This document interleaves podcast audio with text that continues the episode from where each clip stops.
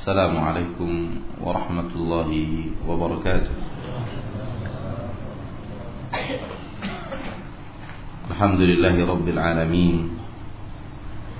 والصلاة والسلام على أشرف الأنبياء والمرسلين وعلى آله وصحبه أجمعين.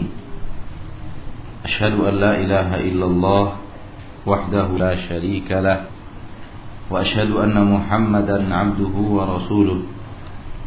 صلى الله عليه وعلى آله وأصحابه ومن تبعهم بإحسان إلى يوم الدين وسلم تسليما كثيرا. يا أيها الذين آمنوا اتقوا الله حق تقاته ولا تموتن إلا وأنتم مسلمون.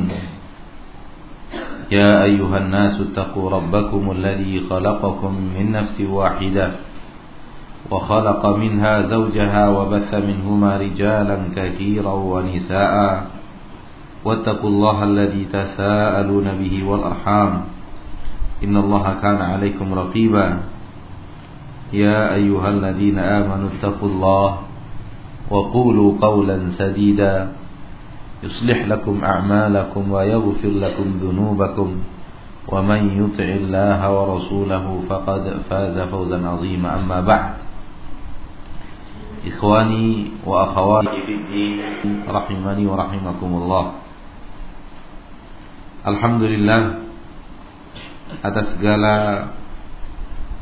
anugerah Allah Subhanahu wa taala yang senantiasa Ia berikan kepada kita di dalam perjalanan kita mengarungi kehidupan kita di permukaan bumi ini. Tidak akan bisa seorang hamba melakukan aktivitas sekecil dan remeh apa pun aktivitas tersebut di matanya kalau tidak didukung oleh rahmat, nikmat, anugerah dan kasih sayang Allah tabaraka wa taala kepada dirinya. Seorang insan bergantung 100% kepada Allah Subhanahu wa taala. Allah berfirman, "Ya ayyuhan nas, antumul fuqara'u ila Allah." Wahai sekalian manusia, kalian itu adalah orang-orang yang fakir kepada Allah. Sesungguhnya apa pun yang kita anggap bisa kita lakukan, tidak akan bisa kita lakukan kalau Allah Subhanahu wa taala tidak kemudian memberikan kepada kita rahmat dan kasih sayangnya.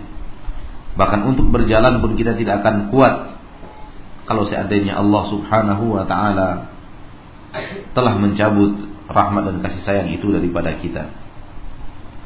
Salah seorang daripada ikhwan kita menyatakan bahwa ada sekitar 2 cm atau 3 cm syaraf di kepala orang tuanya yang bermasalah. Itu menimbulkan kelumpuhan di dalam hidupnya. Efek daripada syaraf yang rusak tersebut adalah lumpuh tidak bisa berjalan. Itu hanya dua atau tiga senti saja di dalam syaraf. Efeknya adalah kaki yang tidak mampu untuk berjalan. Lihat ketika Allah Subhanahu wa taala ingin mencabut sesuatu nikmat daripada hambanya. Allah Subhanahu wa taala mampu berbuat sesuai dengan apa yang ia inginkan dan seluruh yang Allah inginkan di dalam takdirnya adalah adil. Hanya kadang manusia dengan sifatnya egois menyalahkan Allah dan tidak ridho dengan takdir Allah tabaraka wa taala.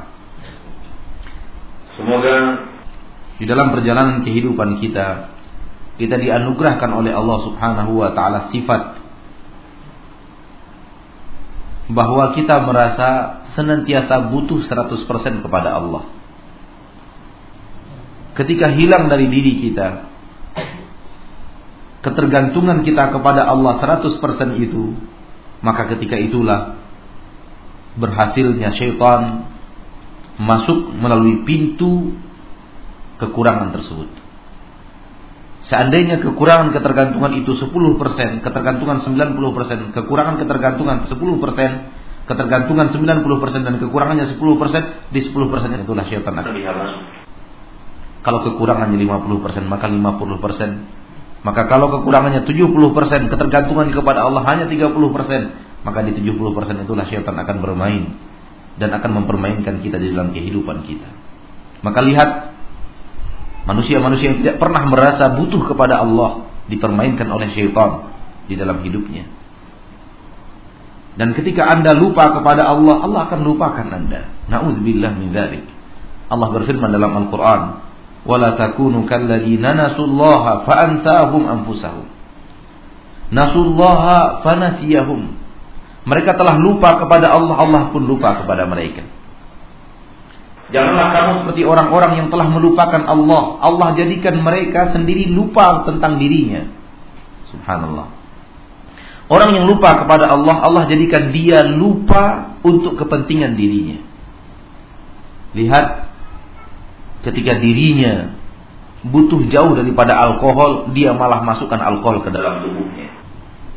Ketika dirinya membutuhkan jauh daripada narkoba, dia malah konsumsi narkoba tersebut. Allah jadikan dia lupa terhadap dirinya sendiri. Wa ala hadha faqis. Di atas hal yang semisal ini buatlah kiasan. Semakin orang lupa kepada Allah, semakin orang itu tidak akan peduli kepada dirinya sendiri. Kenapa? Dia hanya mengikuti keinginan syahwatnya dan lupa menakar apakah keinginan syahwat itu mendatangkan petaka bagi tubuhnya atau akan mendatangkan manfaat. Maka sejauh ketergantungan kita kepada Allah, sejauh itu pula Allah akan sadarkan kepada kita hal yang bermanfaat untuk diri kita. Dan ketika kita mulai melupakan Allah, maka sejauh itu pula Allah akan membuat kita lupa akan kemaslahatan diri kita sendiri.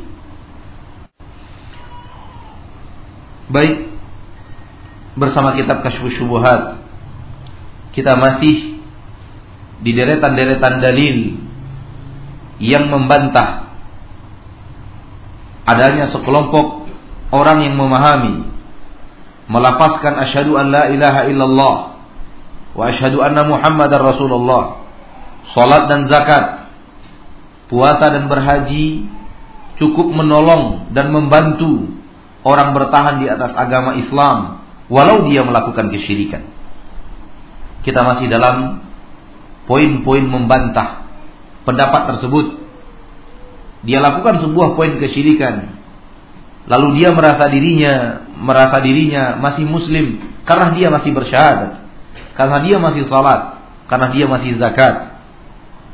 Padahal tegas Allah menerangkan kalau Anda melakukan kesyirikan, hapus seluruh amal soleh yang Anda lakukan. Namun dia masih merasa dirinya bermanfaat dengan sholatnya, bermanfaat dengan syahadatnya. Padahal dia telah batalkan syahadat itu dengan perbuatan kesyirikan atau kufuran yang telah dia lakukan. Dalil yang kelima pada kesempatan yang kali ini adalah wa yuqalu.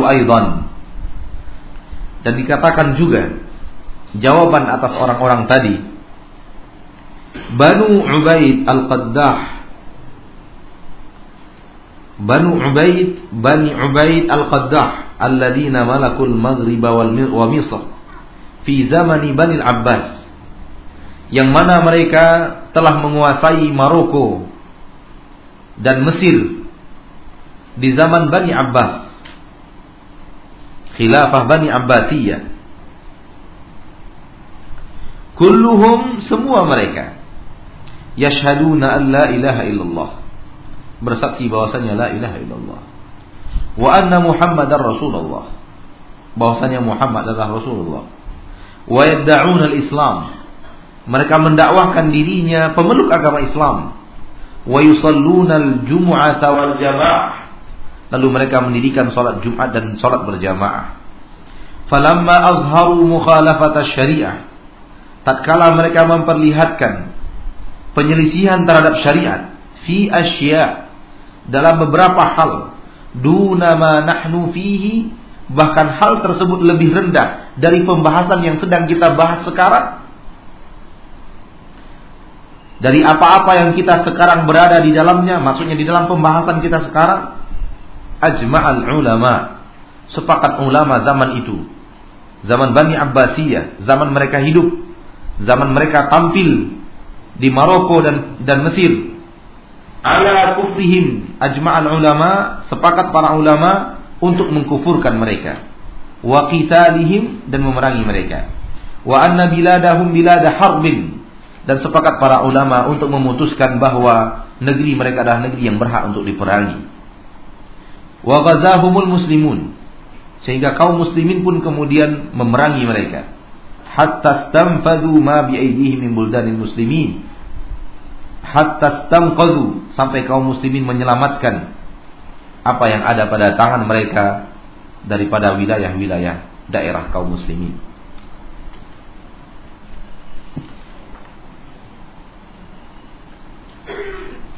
Banu Ubaid Al-Qaddah hidup di abad ketiga sampai abad keenam. Mereka memiliki kerajaan yang berdiri megah di Mesir dan Maroko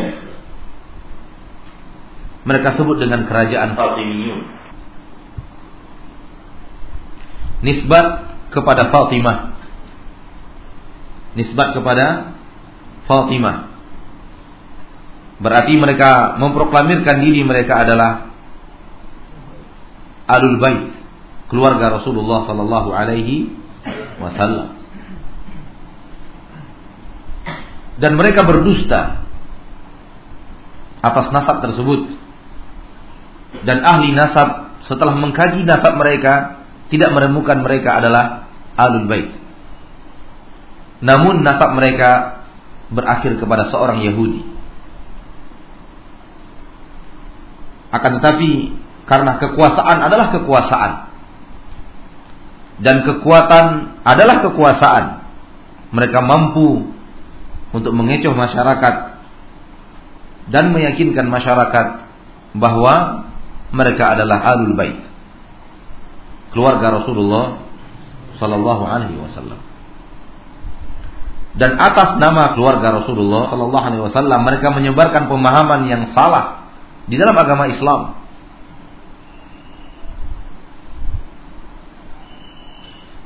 Masyarakat muslimin, syaitan faham, sefaham-fahamnya bahwa umat Islam memiliki kecenderungan hati untuk mencintai keluarga Rasulnya. Sallallahu alaihi wasallam. Dan syaitan bahkan juga lebih paham daripada itu. Bahwa mencintai keluarga Rasul diperintahkan oleh agama Islam.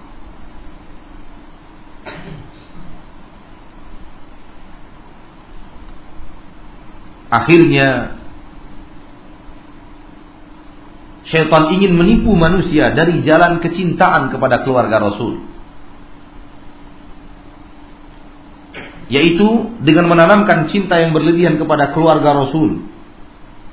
Sehingga menjadikan mereka adalah orang seolah-olah tanpa dosa dan aib. Dan orang-orang yang kata-katanya harus diikuti apa pun yang dia lakukan, apa pun yang dia kerjakan dan apa pun yang dia fatwakan. Dan itu batil.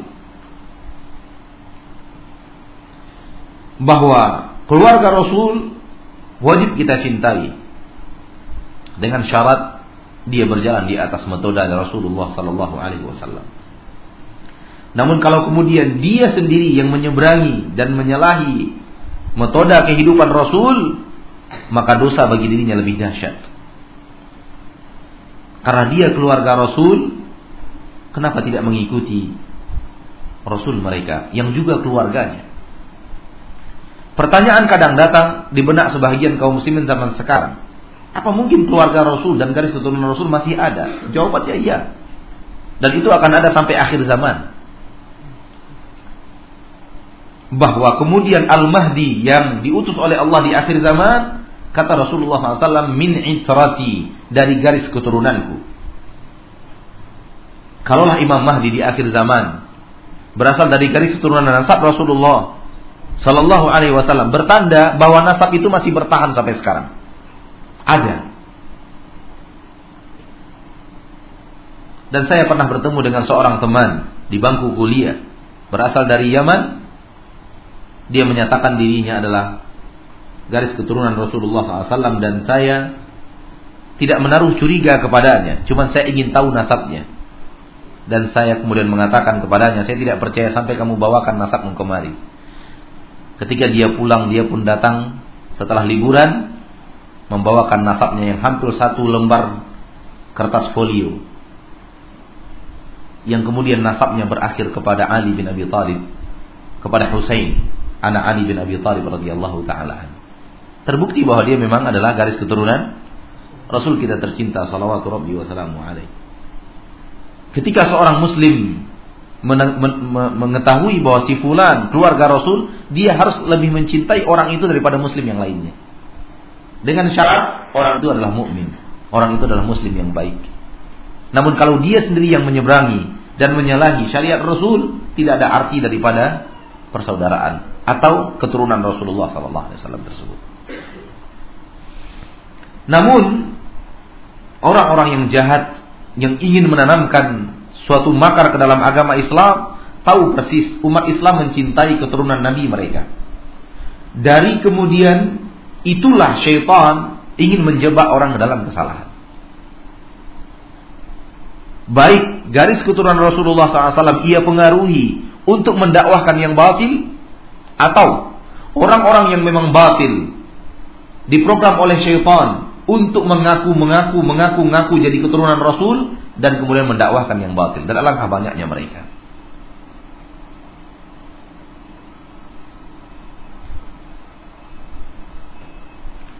Dan kita tidak bisa gampang percaya bahwa mereka adalah keturunan Rasul sampai mereka bisa membuktikan dan ahli nasab berbicara.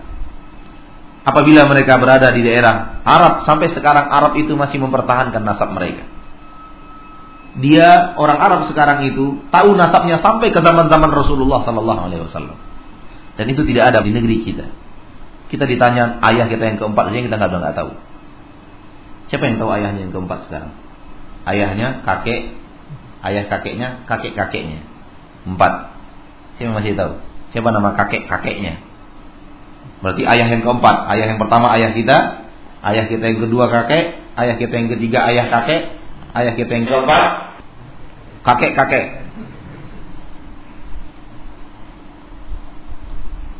Ayah kita yang kelima, ayah dari kakek kakek. Ayah kita yang keenam, kakek dari kakek kakek kakek. Siapa di antara kita yang tahu sampai ke situ? Empat aja udah putus. Ada yang tahu sampai tiga? Ayahnya, kakeknya, ayah kakeknya. Tahu? Ada? Ada pak? Nah, itu yang paling tinggi nih mungkin sekarang. Kalau kak, ayah, kakek dari kakek ada tahu pak? Hah? Enggak. Berarti yang paling tinggi nasabnya di sini saya. Saya tahu sampai yang keempat. Saya anak Jusar, Jusar anak Khalilur Rahman, Khalilur Rahman anak Abdul Jamil, Abdul Jamil anak Abdul Salam. Sampai di situ saya berhenti. Tidak bisa melacak lebih daripada itu. Tapi orang Arab bisa men men menukilkan nasab mereka sampai kepada Rasul. Kalau sudah sampai kepada Rasul, sampai kepada Nabi Ibrahim alaihissalam. Oleh karena itu nasab Nabi kita Muhammad sallallahu alaihi wasallam sampai kepada Adnan. Dan Adnan setelah Adnan terjadi ikhtilaf para ahli nasab. Tapi mereka sepakat ini garis keturunan Ismail alaihissalam. Siapa ayahnya tadi perbedaan pendapat. Tapi mereka sepakat ini cucu daripada Ismail alaihissalam. Lihat ketika dari Rasul sampai ke Nabi Ibrahim alaihissalam ya Berarti kalau dia sekarang sampai kepada Ali, berarti sudah sampai kepada Nabi Ibrahim nasabnya. Salah satu kelebihan orang Arab adalah kaum yang selalu menjaga nasabnya. Sehingga di negeri kita ini jarang orang menulis nasab. Kalau ataupun ada di daerah Minang nasab ibu yang di nasab ayah. Ayah hilang bagaikan ditelan ombak pantai Padang. Habis.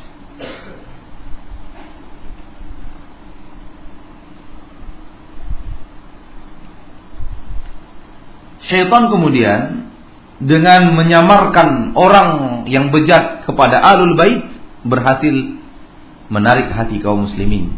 Akhirnya mereka perlahan tapi pasti berkuasa menguasai Mesir, dan menguasai Maroko. Kerajaan mereka disebut kerajaan Fatimiyun.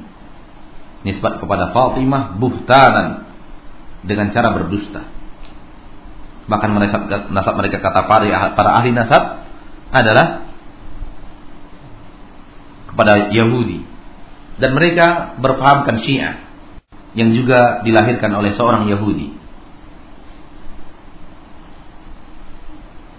Mereka melaknat Abu Bakar dan Umar di jalanan, di masjid-masjid.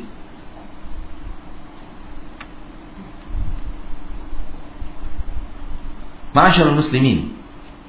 Ketika mereka memperlihatkan di zaman Bani Abbas abad ketiga kesalahan demi kesalahan yang menyalahi syariat tersebut sepakat seluruh para ulama di zaman itu Lihat baru zaman abad ketiga. Bukan zaman sekarang. Ulama di abad ketiga. Berarti ulama-ulama di zaman Imam Syafi'i, Imam Imam Bukhari. Atau generasi setelah Imam Bukhari. Murid-murid daripada Imam Bukhari. Karena Imam Bukhari wafat pada tahun 256. Rahimahullah. Sementara mereka mulai lahir pada abad 290 Berarti generasi daripada murid-murid Imam Syah, Imam Al-Bukhari, Imam Muslim, Imam Abu Daud, generasi setelah itu. Sepakat ulama di generasi setelah itu menyatakan kekafiran mereka. Dan menyatakan bahwa mereka adalah orang-orang yang keluar dari agama Islam. Dan menyatakan bahwa daerah mereka berhak untuk diperangi, dikembalikan kepada kaum muslimin. Karena mereka tidak peduli, tidak telah menyalahi beberapa syariat. Bahkan ulama-ulama yang menegakkan sunnah, mereka bunuh. Bahkan suatu ketika ada seorang yang azan di negeri mereka dengan hayya 'alal falah. Mereka seret di jalanan. Mereka katakan inilah balasan orang-orang yang meninggalkan yang benar lalu mereka sembelih. Karena di dalam pemahaman Syiah hayya 'alal falah tidak boleh diucapkan. Yang boleh diucapkan penggantinya adalah hayya 'ala khairil amal. Hayya 'ala khairil amal. Kalau di antara kita semoga tidak, tapi kalau nanti Allah takdirkan sampai ke Iran, itu tidak akan mendengarkan hayya 'alal falah. Begitu ada seorang ahlu sunnah yang tidak mengerti bahwa negeri itu adalah negeri syiah. Entah bagaimana caranya, mungkin muazinnya tertidur. Ya. Lalu dia pun azan. Karena waktu sudah masuk. Lalu di azannya hayya 'alal falah setelah hayya 'alal falah tentunya. Langsung diseret, ditangkap, dihajar keliling kota. Diberitahu ini adalah balasan orang-orang yang menyelisih kebenaran dan seterusnya lalu dibunuh dan pengkhianatan kaum Syiah terhadap umat Islam telah dikenang oleh sejarah dari dahulu sampai sekarang. Hati-hati ketika membaca kitab-kitab sejarah. Karena kitab-kitab sejarah pun telah disusupi oleh racun-racunnya Syiah. Oleh karena itu, nasihat kita kepada kaum muslimin, kalau membaca kitab sejarah, membaca kitab sejarah yang dikarang oleh para ulama yang dikenal dengan ilmunya seperti Ibnu Katsir kemudian Tarikh At-Tabari karya Imam At-Tabari ahli tafsir dan juga Ibnu Hisham menjadi rujukan dalam sejarah rahimahumullah karena menurut para ulama para penulis sejarah itu terbagi kepada tiga kelompok Kelompok yang pertama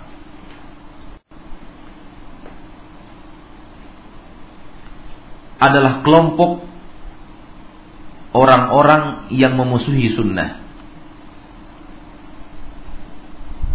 Sehingga mereka pun memasukkan racun-racun di dalam sejarah yang mereka nukilkan.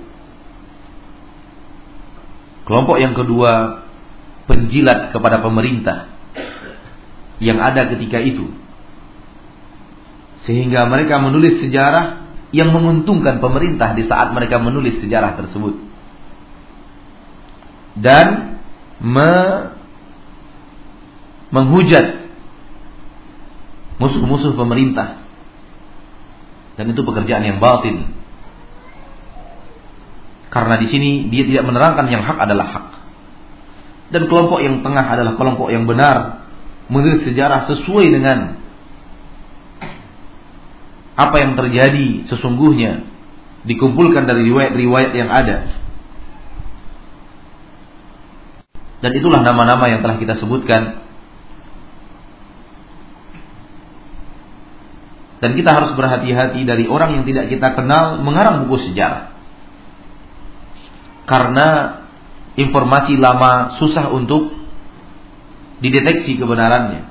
Kalau kita salah mengambil buku sejarah, salah kita membaca sejarah, salah kita memahami sejarah.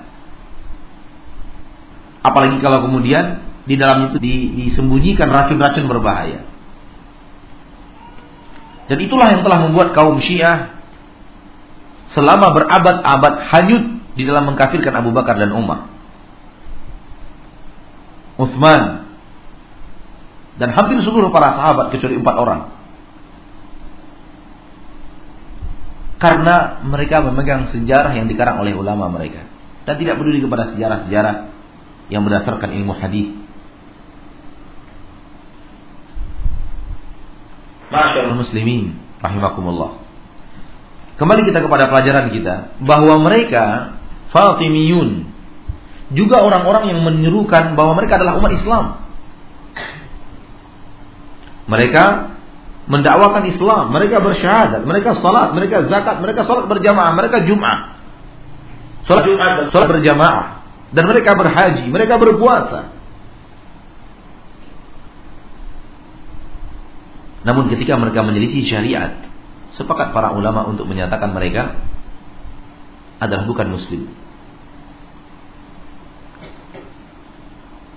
Iran dengan pemahaman Syiah yang kental sekarang ini para ulama kita menerangkan masyayikhnya mereka kufar keluar dari agama Islam. Awamnya belum tentu. Karena awam punya hukum yang berbeda dengan alimnya. Dan saya pernah menyaksikan langsung diskusi seorang dosen di salah satu fakultas akidah di Umul Qura dengan seorang Syiah di pelataran Ka'bah. Wallahi demi Allah diskusi yang berada dari dua kutub yang berbeda. Sunnah di mana, Syiah di mana. Setiap pemahaman bertolak belakang hampir 180 derajat. Dan sejarah terputar balik. Oleh karena itu, hati-hati terhadap setiap dakwah yang selalu mengedepankan alul bait. Bukan kita tidak cinta kepada alul bait. Kita cinta kepada alul bait. Tapi ini ciri-ciri dari mereka-mereka yang ingin menjerumuskan umat melalui kecintaan mereka kepada alul bait. Apalagi kalau kemudian tercium aroma oleh kita mulai menyalahkan sebagian sahabat. Jauhi itu. Apalagi kemudian menyebut-nyebut nama mazhab Ja'fari. Berarti kontan-kontan mereka adalah Syiah. Jauhi dan jangan mau diskusi. Jangan mau berdiskusi. Karena orang Syiah dusta adalah senjata. Dan dusta adalah ibadah bagi mereka. Oleh karena itu, untuk apa diskusi dengan orang yang mau berdusta kepada kita? Apalagi ketika kita tidak memiliki senjata yang cukup. Wallahi dosen ini saya perhatikan, dia memiliki data-data yang aktual dari buku langsung Syiah.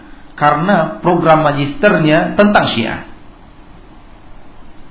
Dan dia mengambil kutipan-kutipan dari buku mereka langsung.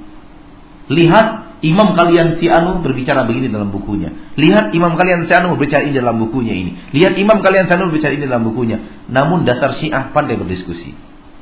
Ada saja jalan dia untuk lari. Saya perhatikan. Saya berlagak orang Indonesia bodoh nggak ngerti bahasa Arab. Karena diskusinya tidak resmi, hanya setelah sholat subuh. Sepertinya dosen ini orang yang sedang karena ilmunya tentang mazhab Syiah begitu mumpuni dia ingin menyelamatkan saudara-saudaranya yang terjerumus ke dalam itu luar biasa sudah punya bukti dari buku-buku mereka pun mereka masih pandai berkilah. Maka masih pandai lari. Karena dusta adalah agama mereka. Mereka mengatakan inna akramakum indallahi. Itu artinya yang paling mulia di antara kalian adalah orang yang paling pandai tuqiyah. Tuqiyah itu apa? Berdusta untuk memenangkan agama kita. Masyaallah muslimin. Oleh karena itu, lihat Banu Ubaid Al-Qaddah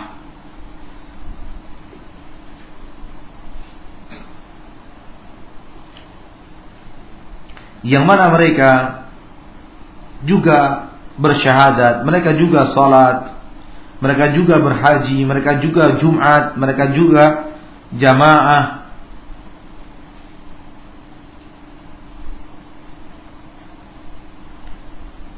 Namun mereka menyelisihi syariat. Kata Syekh, dalam hal-hal yang masih di bawah kita. Benci kepada sahabat itu di bawah syirik. Betul tidak? Membenci para sahabat di bawah syirik dosanya. Bahkan juga kesalahan mereka adalah menghalalkan menikahi dua dua orang ber, perempuan bersaudara. Fatimiyun di, zaman itu masyhur mereka itu menghalalkan menikahi dua orang bersaudara. Yang di dalam agama Islam jelas-jelas haram. Wa anta jma'u bainal ukhtaini illa salaf. Jangan gabungkan di antara dua orang bersaudara. Wanita bersaudara, adik beradik jangan gabungkan. Tidak boleh menggabungkannya. Mereka menghalalkan menggabungkan. Di dalam sunnah Rasulullah melarang kita menggabungkan antara bibi dan keponakan. Kalau kita sudah menikahi seorang wanita, maka bibinya baik saudara dari ayahnya, saudara perempuan dari ayahnya atau saudara perempuan daripada ibunya haram kita kita nikahi juga sekaligus. Bukan hanya saudara perempuan, sampai kepada bibi. Haram. Ya, tidak boleh. Ya boleh jadi antara istri kita dan bibinya lebih muda bibinya daripada istri kita. Betul kan? Mungkin nggak itu terjadi? Sangat mungkin. Istri kita lebih tua daripada bibinya. Sangat mungkin. Kemudian kita berniat menikahi bibinya. Nggak boleh. Memang di dalam di dalam Al-Quran hanya saudari, tapi di dalam sunnah tambahan. Bibi. Amun ammatun wa khalatun. Ammatun adalah saudari perempuan ayah, khalatun adalah saudari perempuan ibu. Nah Rasulullah SAW an yujma an tujma baina bainal mar'ati wa ammatiha wa bainal mar'ati wa khalatiha. Nabi melarang umatnya untuk menggabungkan antara seorang wanita dengan bibinya dari ayahnya dan dengan bibinya dari ibunya. Mereka Fatimiyun menghalalkan itu. Bahkan menghalalkan menggabung dua yang bersaudara. Mereka kafir keluar dari agama Islam.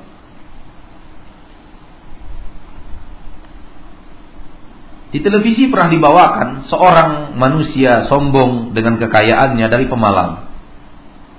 Punya istri sembilan. Ketika dibawa di televisi itu, dia bawa enam orang istri ditaruh di belakangnya di jejer. Ini manusia sombong.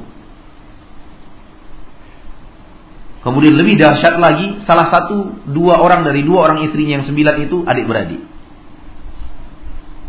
Su'un ala su. Sombong di atas kesombongan. Kebodohan di atas kebodohan. Dengan bangganya dia bercerita. Aman, damai.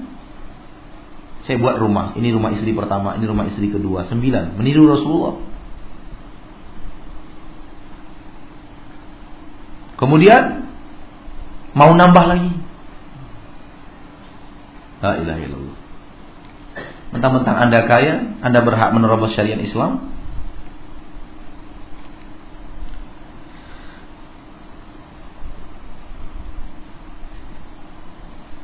Sepakat para ulama untuk menjadikan syahadat Banu Ubaid tidak ada artinya. Sepakat para ulama untuk menjadikan salat Banu Ubaid tidak ada artinya. Zakat Banu Ubaid, Jumat Banu Ubaid, jamaah Banu Ubaid tidak ada artinya. Bukan sesuatu yang bisa memberikan bekas, bisa memberikan manfaat kepada seseorang karena kekufurannya.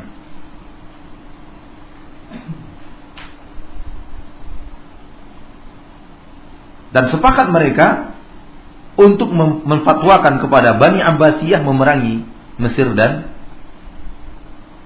dan Maroko yang mereka kuasai.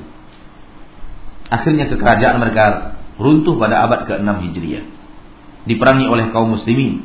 Dan ketika mereka runtuh itu, Ibnul Jauzi rahimahullah mengarang kitab An-Nasru ala Misr, kemenangan terhadap Kemenangan terhadap Mesir.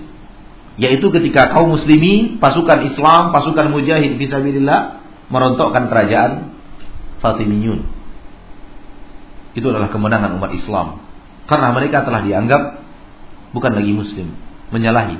Ingat kaum muslimin, mengingkari satu hukum dari hukum Allah yang kita tahu itu adalah hukum Allah bisa mengeluarkan kita dari agama Islam. Kalau permasalahan itu kita sudah tahu persis itu hukum Allah dan Rasulnya. Lalu berani kita membatalkan hukum itu, cukup satu itu mengeluarkan kita dari agama Islam. Kita tahu sekarang wajibnya menutup aurat bagi wanita. Tahu persis itu hukum Allah, hukum Rasulnya. Lalu dengan sombongnya kita katakan, saya tidak yakin akan wajibnya hukum itu. Cukup satu perkataan ini mengeluarkan Anda dari agama Islam. Karena mengingkari satu ayat dari ayat-ayat Al-Quran sama dengan mengingkari seluruh ayat. Seperti yang telah kita lewatkan di dalam pelajaran-pelajaran kita sebelumnya. Mereka beriman dengan sebagian kitab, tidak beriman dengan sebagian yang lain. Mereka ingin mencari jalan tengah, tidak bisa. Beriman, beriman secara keseluruhan. Kafir, kafir secara keseluruhan. Tidak ada jalan tengah beriman kepada sebahagian kafir dengan sebahagian. Barang siapa yang ingin kufur terhadap sebahagian ayat-ayat Allah, maka itu sama dengan kufur secara mutlak. Ulaika humul kafiruna haqqa. Mereka lah orang yang sebenar-benarnya telah kufur keluar dari agama Islam. Maka bagaimana mungkin Anda menyatakan bahwa kesyirikan yang Anda lakukan tidak masalah karena saya masih syahadat. Bagaimana mungkin kesyirikan yang Anda lakukan, Anda katakan gak masalah karena saya masih sholat. Itu batil. Dan itu pemahaman yang disusupkan oleh syaitan kepada pemahaman Anda bahwa Anda masih muslim tapi di sisi Allah Anda bukan lagi muslim. Kalau memang Anda telah jatuh ke dalam kesyirikan dan Anda tahu itu kesyirikan dan hujah telah tegak kepada Anda, dan tegaknya hujah kepada seseorang ma'asyarul muslimin bukan berarti orang itu nerima baru hujah itu tegak. Asal orang itu sudah tahu itu datangnya dari Allah dan Rasulnya dan benar. Ketika itu dia tidak mengikuti itu hujah telah tegak kepada dirinya. Tidak harus sampai kepada dia yakin, dia kemudian nerima, dia kemudian apa namanya? sudah lega dengan hukum yang benar itu, lalu dia masih bandel Bukan itu. Asal dia tahu itu adalah hukum Allah dan Rasulnya yang sah, masih dia membantahnya, itu artinya hujah sudah tegak. Dan Allah tahu dia paham atau tidak. Dia mengerti atau tidak mengerti. Karena lisan bisa saja berbohong. Tapi Allah tidak bisa dibohongi oleh dengan kondisi apa pun. Maka tidak boleh kita merasa bahwa sholat kita, zakat kita, haji kita, jumat kita, jamaah kita, puasa kita bermanfaat apabila kita terjerumus ke dalam dosa namanya syirik. Karena syirik itu membumi hanguskan seluruh amal soleh yang kita lakukan. Tidak ada manfaatnya. Satu gantang atau satu drum daripada air susu, kalau kemudian antum ambil kotoran anjing sebesar kuku, lalu masukkan dalam air susu tersebut, lalu diaduk. Bermanfaat gak susu itu?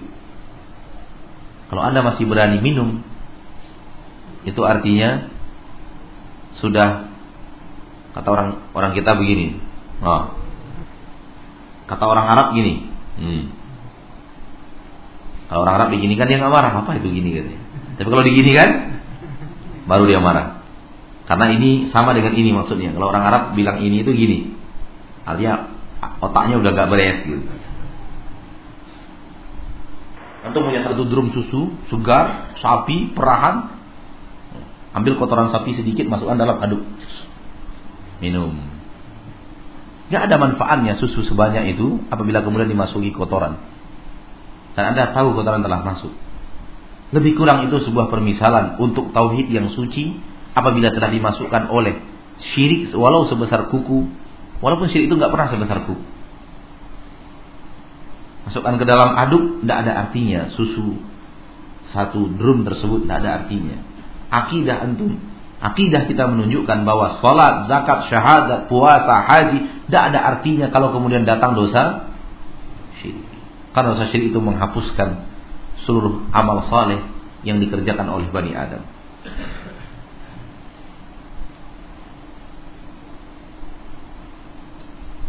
Dan ketika para ulama di zaman itu sepakat untuk mengkufurkan dan mengkafirkan Banu Banu Ubaid Al-Qaddah, mustahillah para ulama sepakat di atas kesesatan. Karena Nabi telah menjamin lantas tajtama'a hadhil umma 'ala dhalalah. Umat ini tidak akan pernah sepakat di atas sebuah kebatilan. Hadis ini terhadap para sahabat adalah sesuatu yang pasti. Adapun terhadap umat generasi berikutnya adalah umat yang mengikuti pemahaman sahabat. Ini harus dipahami tentang hadis ini. Umat ini, berarti umat yang dibina Rasulullah ini, siapa mereka? Sahabat. Sahabat ini, para nabi, sahabat nabi tidak akan pernah sepakat di atas kesesatan. Demikian juga generasi pengikut mereka. Generasi penerus mereka. Yaitu generasi tabi'in, yang terus berjalan di atas manhatnya para sahabat. Generasi atba'ut tabi'in yang terus berjalan di atas manhatnya para sahabat.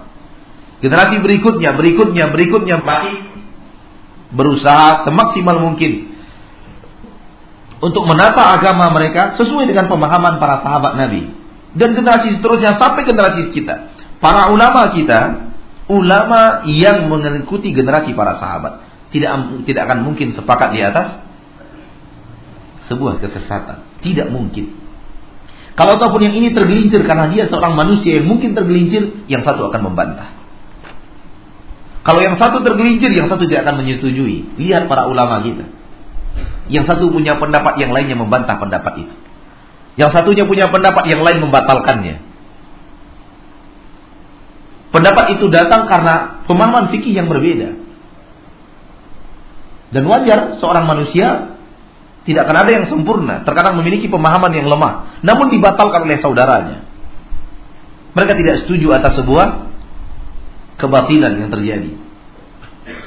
Ibnu Baz, Ibnu Utsaimin rahimahumullah. Sepakat mereka berdua. Mereka adalah ulama ternama.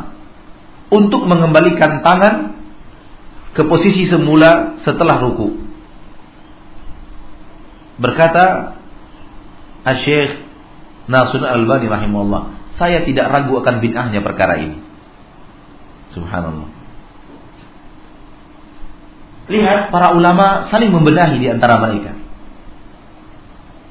Demikian juga ketika Syekh Albani rahimahullah menyarankan mengajak umat Islam, jenggot itu kalau sudah lebih di atas satu genggaman potong bawahnya. Berkata Syekh bin Bas yang saya haram itu. Lihat. Saling memberikan isi. Namun ini adalah sebagian kecil. Jangan anggap mereka adalah orang yang bermusuhan. Mereka menunaikan ilmu sesuai dengan kewajiban mereka yang telah Allah embankan di pundak-pundak mereka para alim ulama. Tapi mereka adalah orang yang bersaudara.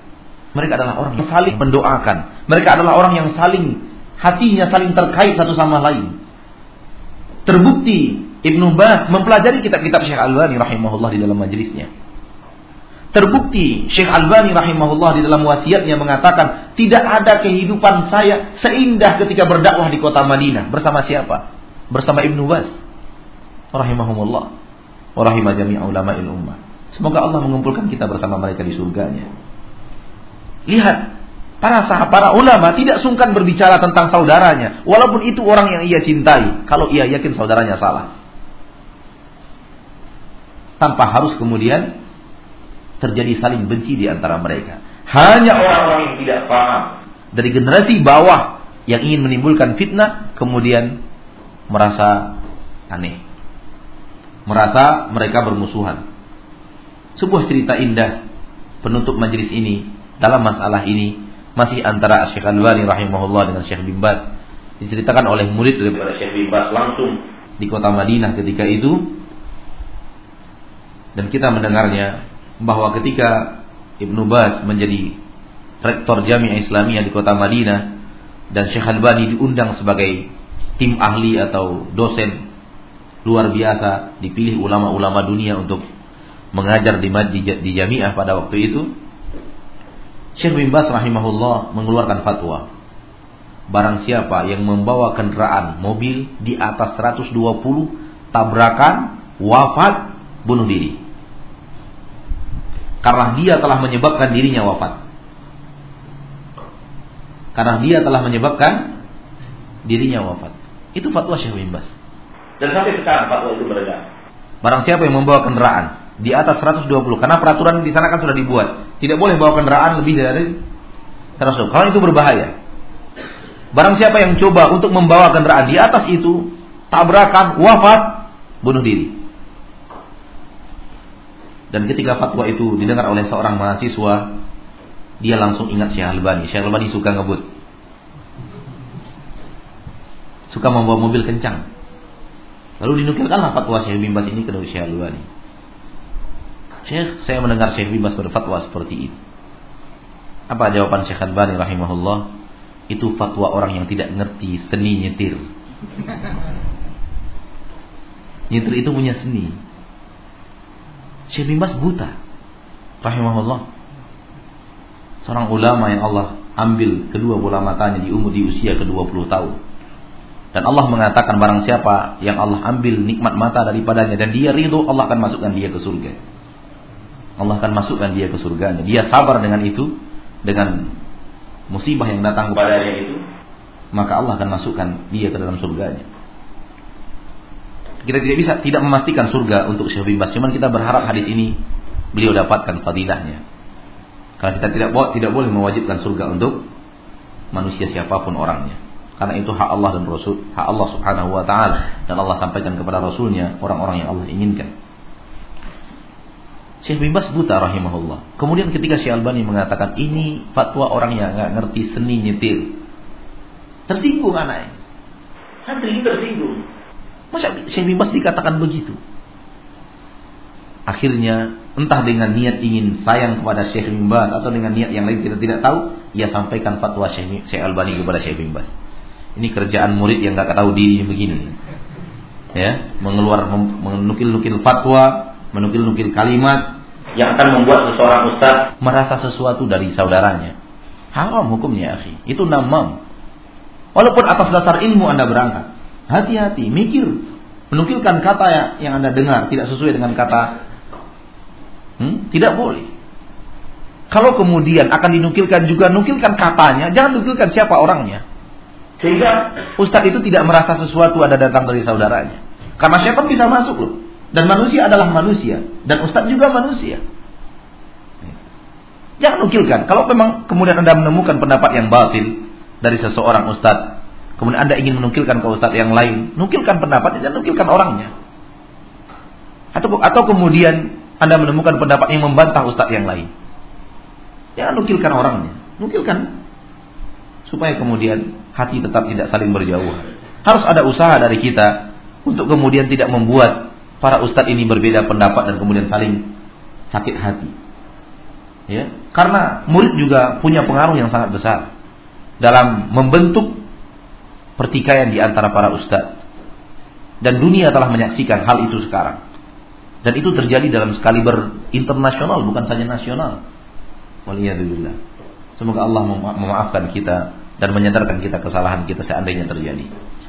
Murid ini menukilkannya kepada Syekh bin Bas. Syekh Syekh Albani mengatakan begini. Setelah saya nukilkan fatwa antum kemarin, ia jawabnya begini. Ini adalah fatwa orang yang ngerti seninya nyetir. Seandainya si Bibas orangnya hatinya sempit, pasti beliau marah. Berarti nyinggung saya, mentang-mentang saya buta. Tapi Syekh Bibas menghadapinya dengan senyum saja.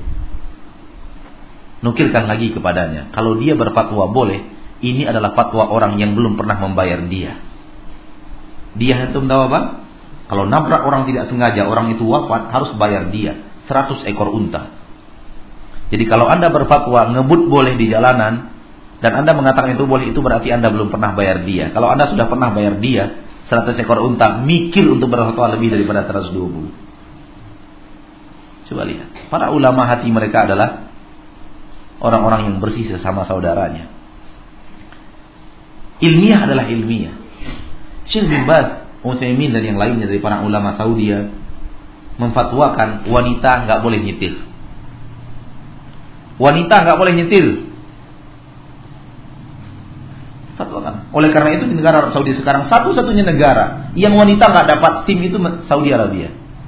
Gak ada SIM untuk wanita. Nggak boleh wanita nyetir di Arab Saudi. Harus dengan keluarganya keluar rumah.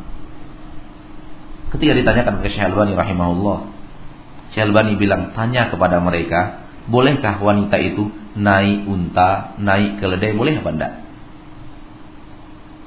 Kalau mereka jawab tidak boleh, mereka berseberangan dengan sejarah di zaman Rasul. Wanita naik unta. Kalau mereka katakan boleh, itu tandanya boleh nyetir. Karena nyetir lebih tertutup daripada naik unta. Unta diembus angin, diterbangkan angin, pakaiannya. Sementara di atas mobil terjaga, apalagi pakai kaca film. Tertutup. Kenapa nyetir nggak boleh? Di atas unta boleh. Apa yang menyebabkannya boleh ini, boleh tidak boleh di sini? Ketahuilah saudaraku, ini bukan hukum syar'i. Ini hukum kemaslahatan sebuah negara untuk menjaga kaum wanitanya. Jadi ini bukan hukum syar'i. Begitu Syekh Al-Bani rahimahullah menerangkannya. Walau kemudian beliau tidak setuju, beliau tidak mengatakan ini batil dan harus dirubah. Ini hukum yang dibuat oleh oleh ulama untuk menjaga kemaslahatan sebuah negeri. Bukan hukum syar'i. Kalau hukum syar'i boleh, wanita nyetir tidak jadi masalah. Karena lebih lebih aman di atas mobil dibanding di atas unta dan keledai. Seandainya wanita tidak Rasulullah di atas unta dan keledai dan itu boleh, apa yang membuatnya tidak boleh di atas mobil? Namun mereka adalah ulama yang seperti yang kita katakan tadi hati mereka bersih dan mereka tidak akan sepakat di atas sebuah titik yang salah. Setiap ada yang benar, pasti mereka sepakat. Oleh karena itu mereka sepakat tidak boleh demonstrasi, sepakat akan tidak bolehnya mencaci pemerintah di atas mimbar, sepakat akan tidak bolehnya uh, bom bunuh diri seperti yang dilakukan oleh saudara-saudara kita yang lainnya yang terlalu bersemangat. Ya, sepakat mereka. Namun di dalam poin-poin seperti ini mereka tidak sepakat. Karena yang satu melihat itu salah, yang satu melihat itu salah, dan tidak terjadi sepakat para ulama di atas sebuah poin yang di situ memiliki nilai kelemahan syariat di dalam fatwa tersebut. Kembali kita katakan bahwa ketika para ulama di zaman itu sepakat mengatakan mereka kufur keluar dari agama Islam ini hujah. Para ulama telah sepakat di atas kebenaran. Menunjukkan bahwa ulama zaman dahulu sepakat perbuatan yang menghalalkan apa yang Allah Allah haramkan, mengharamkan apa yang Allah halalkan dengan merubah hukum adalah mengeluarkan orang dari agama Islam. Mencaci para sahabat mengeluarkan orang dari agama Islam dan sepakat para ulama untuk menghukumkan daulah Fatimiyah adalah daulah kufur, bukan daulah muslim. Ini menandakan walaupun mereka mereka sholat, walaupun mereka zakat, walaupun mereka beribadah, walaupun mereka ber, berjamaah, walaupun mereka berjum'ah, walaupun mereka berhaji, tidak ada artinya kalau mereka kemudian tidak tunduk 100% kepada syariat Islam. Sampai di sini, wassalamualaikum warahmatullahi wabarakatuh. والحمد لله رب العالمين.